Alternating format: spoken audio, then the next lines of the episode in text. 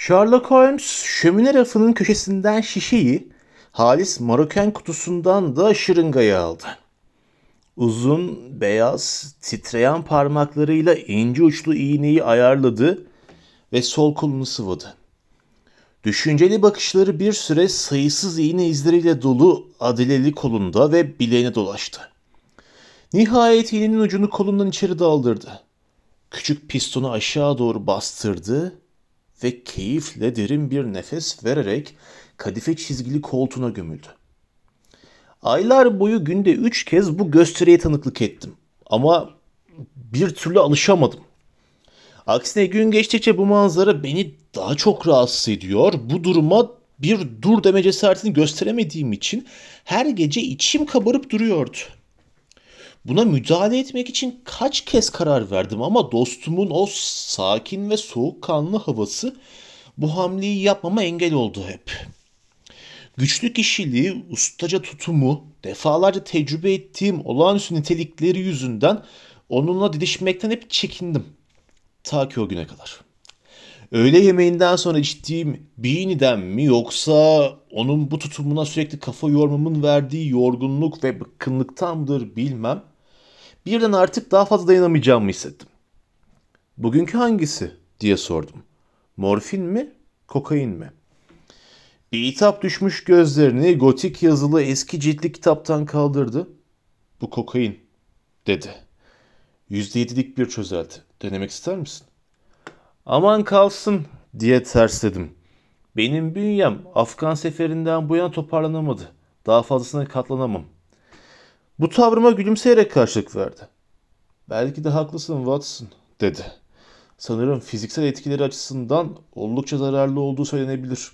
Ne var ki onun ruhumu uyandırıcı, zihnimi berraklaştırıcı etkileri yanında yan etkileri önemsiz kalıyor. Ama düşün bir dedim ısrarla. Bunun nelere mal olabileceğini bir hesap et.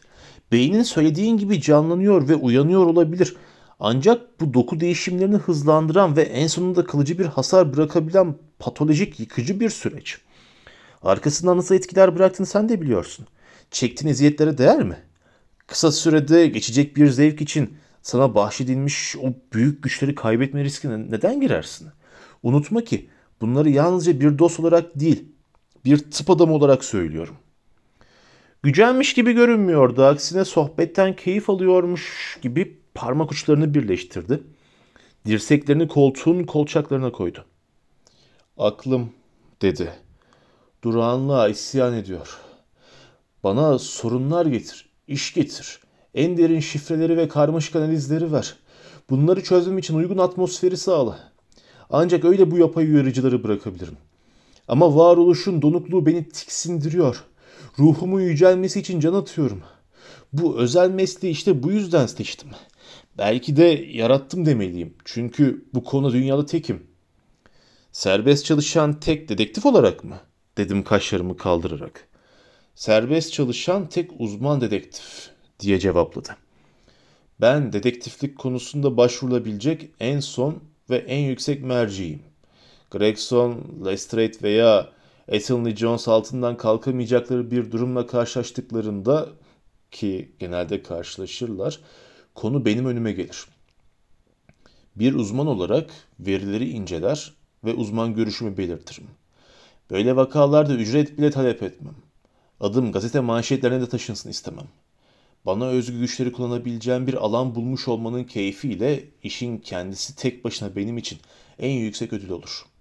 Gerçi Jefferson Hope vakasında zaten çalışma yöntemlerim hakkında sen de biraz fikir sahibi olmuşsundur. Evet oldum dedim içtenlikle. Hayatım boyunca hiçbir şey benim için bu denli çarpıcı olmamıştı. Öyle ki bu çalışmayı bir kitapçık halinde biraz da fantastik bir başlık kaleme almıştım. Kızıl soruşturma. Memnuniyetsiz bir ifadeyle başını salladı. Şöyle bir göz atmıştım dedi. Dürüst olmak gerekirse bunun için seni takdir edemeyeceğim. Dedektiflik tam anlamıyla bir bilimdir ya da öyle olmalıdır. Aynen bilimde olduğu gibi de duygusallıktan uzak ve soğukkanlı yaklaşım gerektirir. Sense Öklid'in 5. teorisinin içine bir aşk ya da ihanet öyküsü sokuşturur gibi bu konuya romantizmle renk katmaya çalışmışsın. Ama orada aşk vardı diye gürledim. Gerçekleri çarpıtamazdım. Bazı gerçeklerin bastırılması gerekir ya da en azından onlara yaklaşırken adil bir orantı gözetilmelidir. O vakada bahse değer tek önemli nokta sebep ve sonuçlar bağlamında merak ve analitik akıl yürütmeydi. Ki ben bu sayede vakayı aydınlığa kavuşturdum. Sırf onu mutlu etmek için hazırladığım bir çalışmayı böylesine eleştirmesi beni rahatsız etmişti. İtiraf etmeliyim ki ben de hazırladığım kitapçığın sadece satır satır onun yaptığı işlere ayrılması gerektiği yönündeki egoizminden rahatsız oldum. Baker Caddesi'nde onunla birlikte yaşadığım yıllar boyunca ortağımın o sakin ve öğretici tutumunun altında bir parça kibrin de yattığına çok defa şahit olmuşumdur.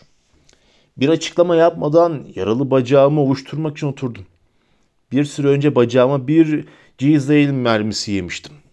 Gerçi yürümeme engel olmuyor ama her hava değişiminde ince ince sızlıyordu. Bir süre sonra gül kökünden yapılmış piposunu doldururken Holmes, artık benim şanım tüm kıtaya yayılmış durumda. Geçen hafta François Le Villard benden yardım istedi. Senin de muhtemelen bildiğin gibi kendisi Fransız dedektif servisinde son günlerde oldukça yıldızı parlayan bir isim. Keltlere has hızlı sezgileri var.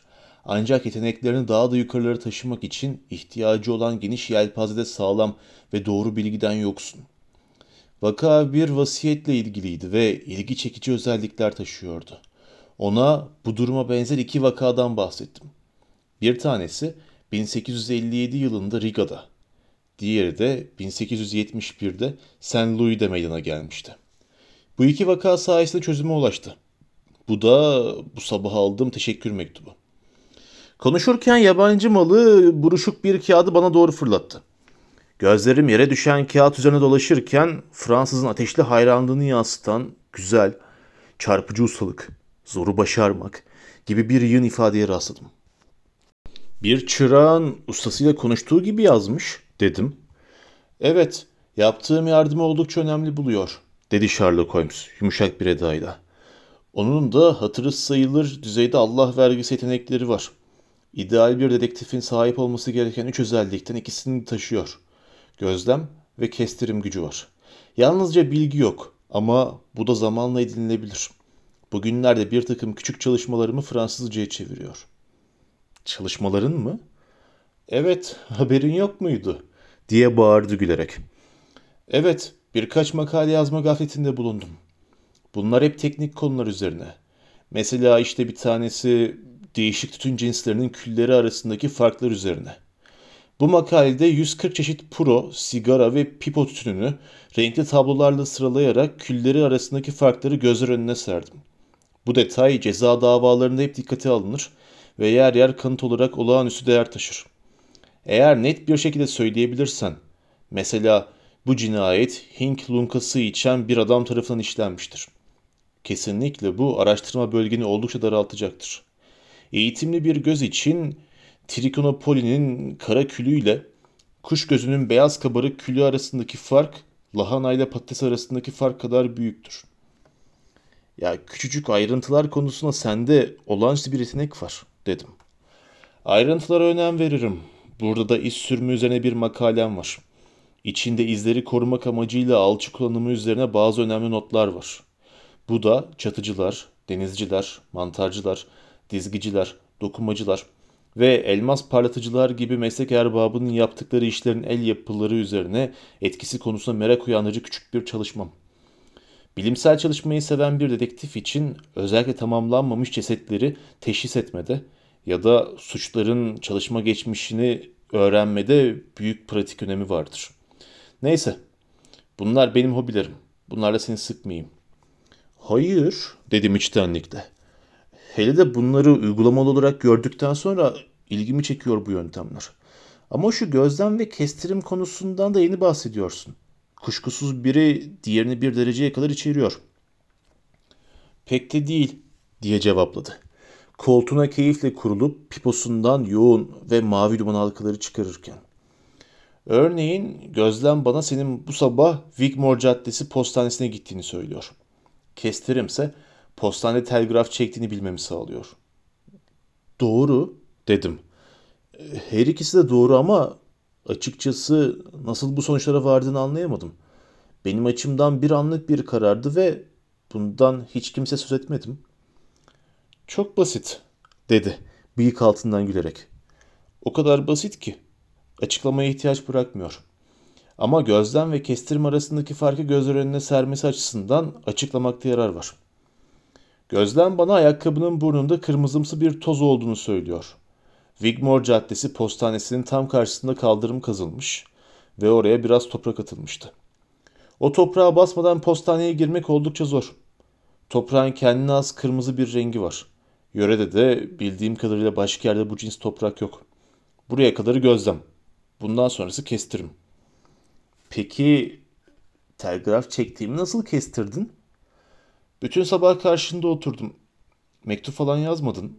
Bunu biliyorum. Açılmış masanda bir tabaka pul ve kalın bir deste kartpostal var. Öyleyse postaneye telgraf çekmekten başka ne için gitmiş olabilirsin? Olmayacak ihtimalleri elersen geriye gerçekler kalır. Biraz düşündükten sonra cevap verdim. Ya bu hadise de e, gerçek tam da bu. Ama yine senin söylediğin gibi mesele çok ama çok basit. Eğer haddimi aştığımı düşünmezsen bu teorilerin daha ciddi bir testten geçirebilir miyim? Aksine dedi. Böylece ikinci bir doz kokain almamın önüne geçmiş olursun. Karşıma çıkaracağın her tür problem beni mutlu eder. Bir ara bir insanın günlük kullandığı bir eşyada kişiliğin izlerini bırakmamasının çok zor olduğundan ve eğitimli bir gözlemcinin bu izleri okuyabileceğinden bahsetmiştin.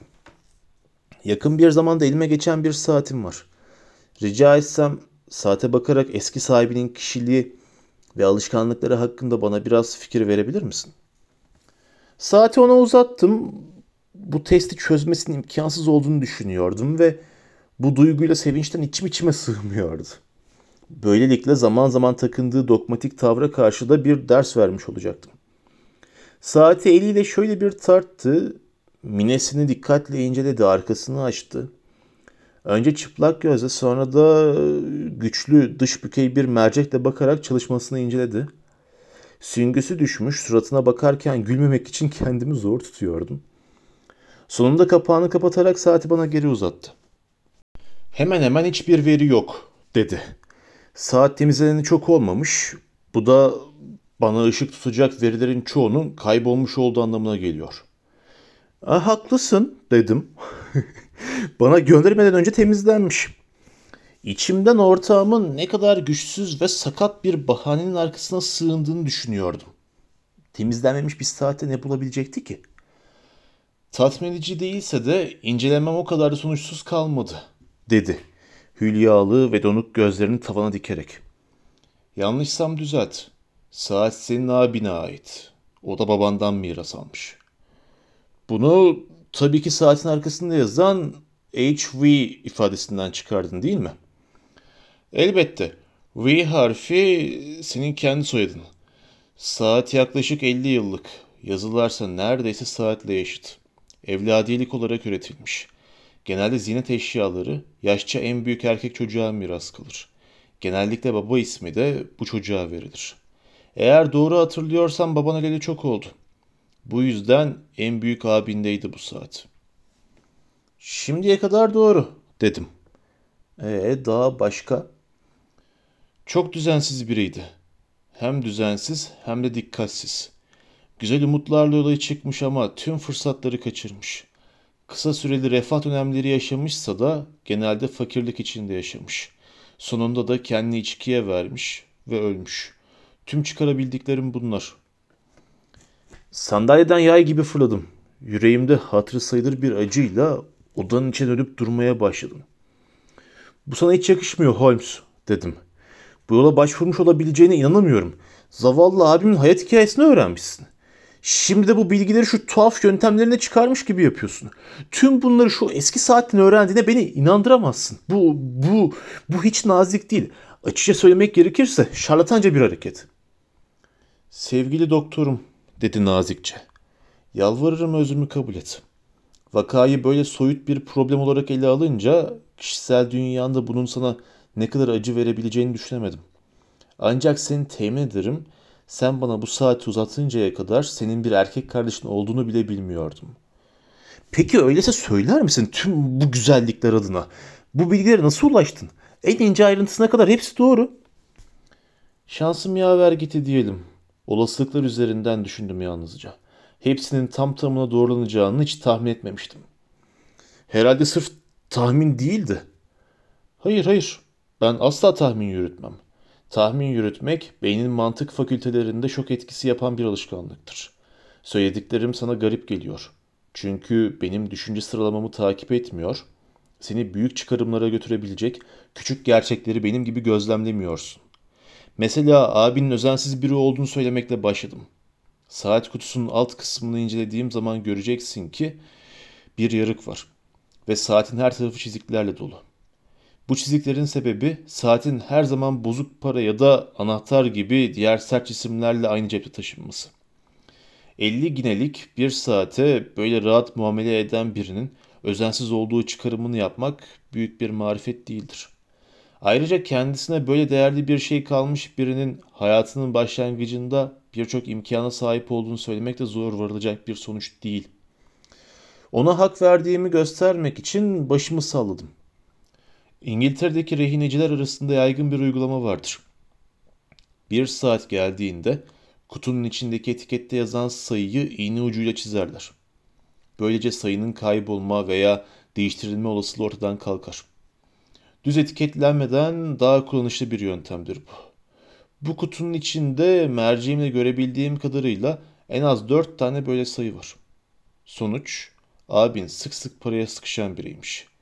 İkinci sonuç, zaman zaman da parasal açıdan rahata kavuşmuş. Öyle olmasa saatini rehineciden geri alamazdı. Son olarak, iç tabakaya bakmanı istiyorum. Anahtar deliği olan yere. Anahtar deliğinin etrafındaki binlerce çiziyi görüyor musun? Ayık bir adam anahtarı deliğe sokarken bu kadar zorlanır mı? Ayrıca bir ay yaşın saatinde böyle çizikler oluşur. Saatini gece kuruyormuş, titreyen ellerin izlerini anahtar deliğinde bırakarak. Tüm bunlarda gizem falan yok. Ya, gerçekten de gün ışığı gibi berrak diye cevap verdim. İtiraf ediyorum sana karşı haksızlık yaptım. Fevkalade yeteneklerine güvenmek konusunda daha cesur olmalıydım. Sorabilir miyim acaba hali hazırda takip ettiğim bir dosya var mı? Hayır. Sadece kokain. Beyin aktivitesi olmadan yaşayamıyorum. Başka ne için yaşanır ki? Burada pencerende tüm gün dikil. Bu kadar tatsız, neşesiz, faydasız bir dünya olabilir mi? Bak şu sarı sis nasıl caddeden aşağı dönerek ilerliyor. Boz renkli evler arasından süzülüp gidiyor. Bundan daha umutsuz, sıradan ve ruhsuz ne olabilir? Eğer uygulayacağım bir alan yoksa bir takım güçlere sahip olmanın yararı nedir doktor? Suçlar sıradan, varoluş sıradan ve hiçbir nitelik tüm bu sıradanlıklara dünya üzerinde bir işlev kazandırmıyor. Bu nutka bir cevap vereyim diye ağzımı açmıştım ki heyecanla çalınan kapıdan içeri elinde taşıdığı pirinç tepside bir kartla birlikte ev sahibesi girdi. Genç bir bayan sizi görmek istiyor efendim dedi arkadaşıma bakarak. Holmes kartı okudu. Bayan Mary Morstan. Hmm, bu ismi hatırlamıyorum. Bayan Hudson. Hanımefendiye gelmesini söyleyin. Sen de gitme doktor. Kalmanı istiyorum.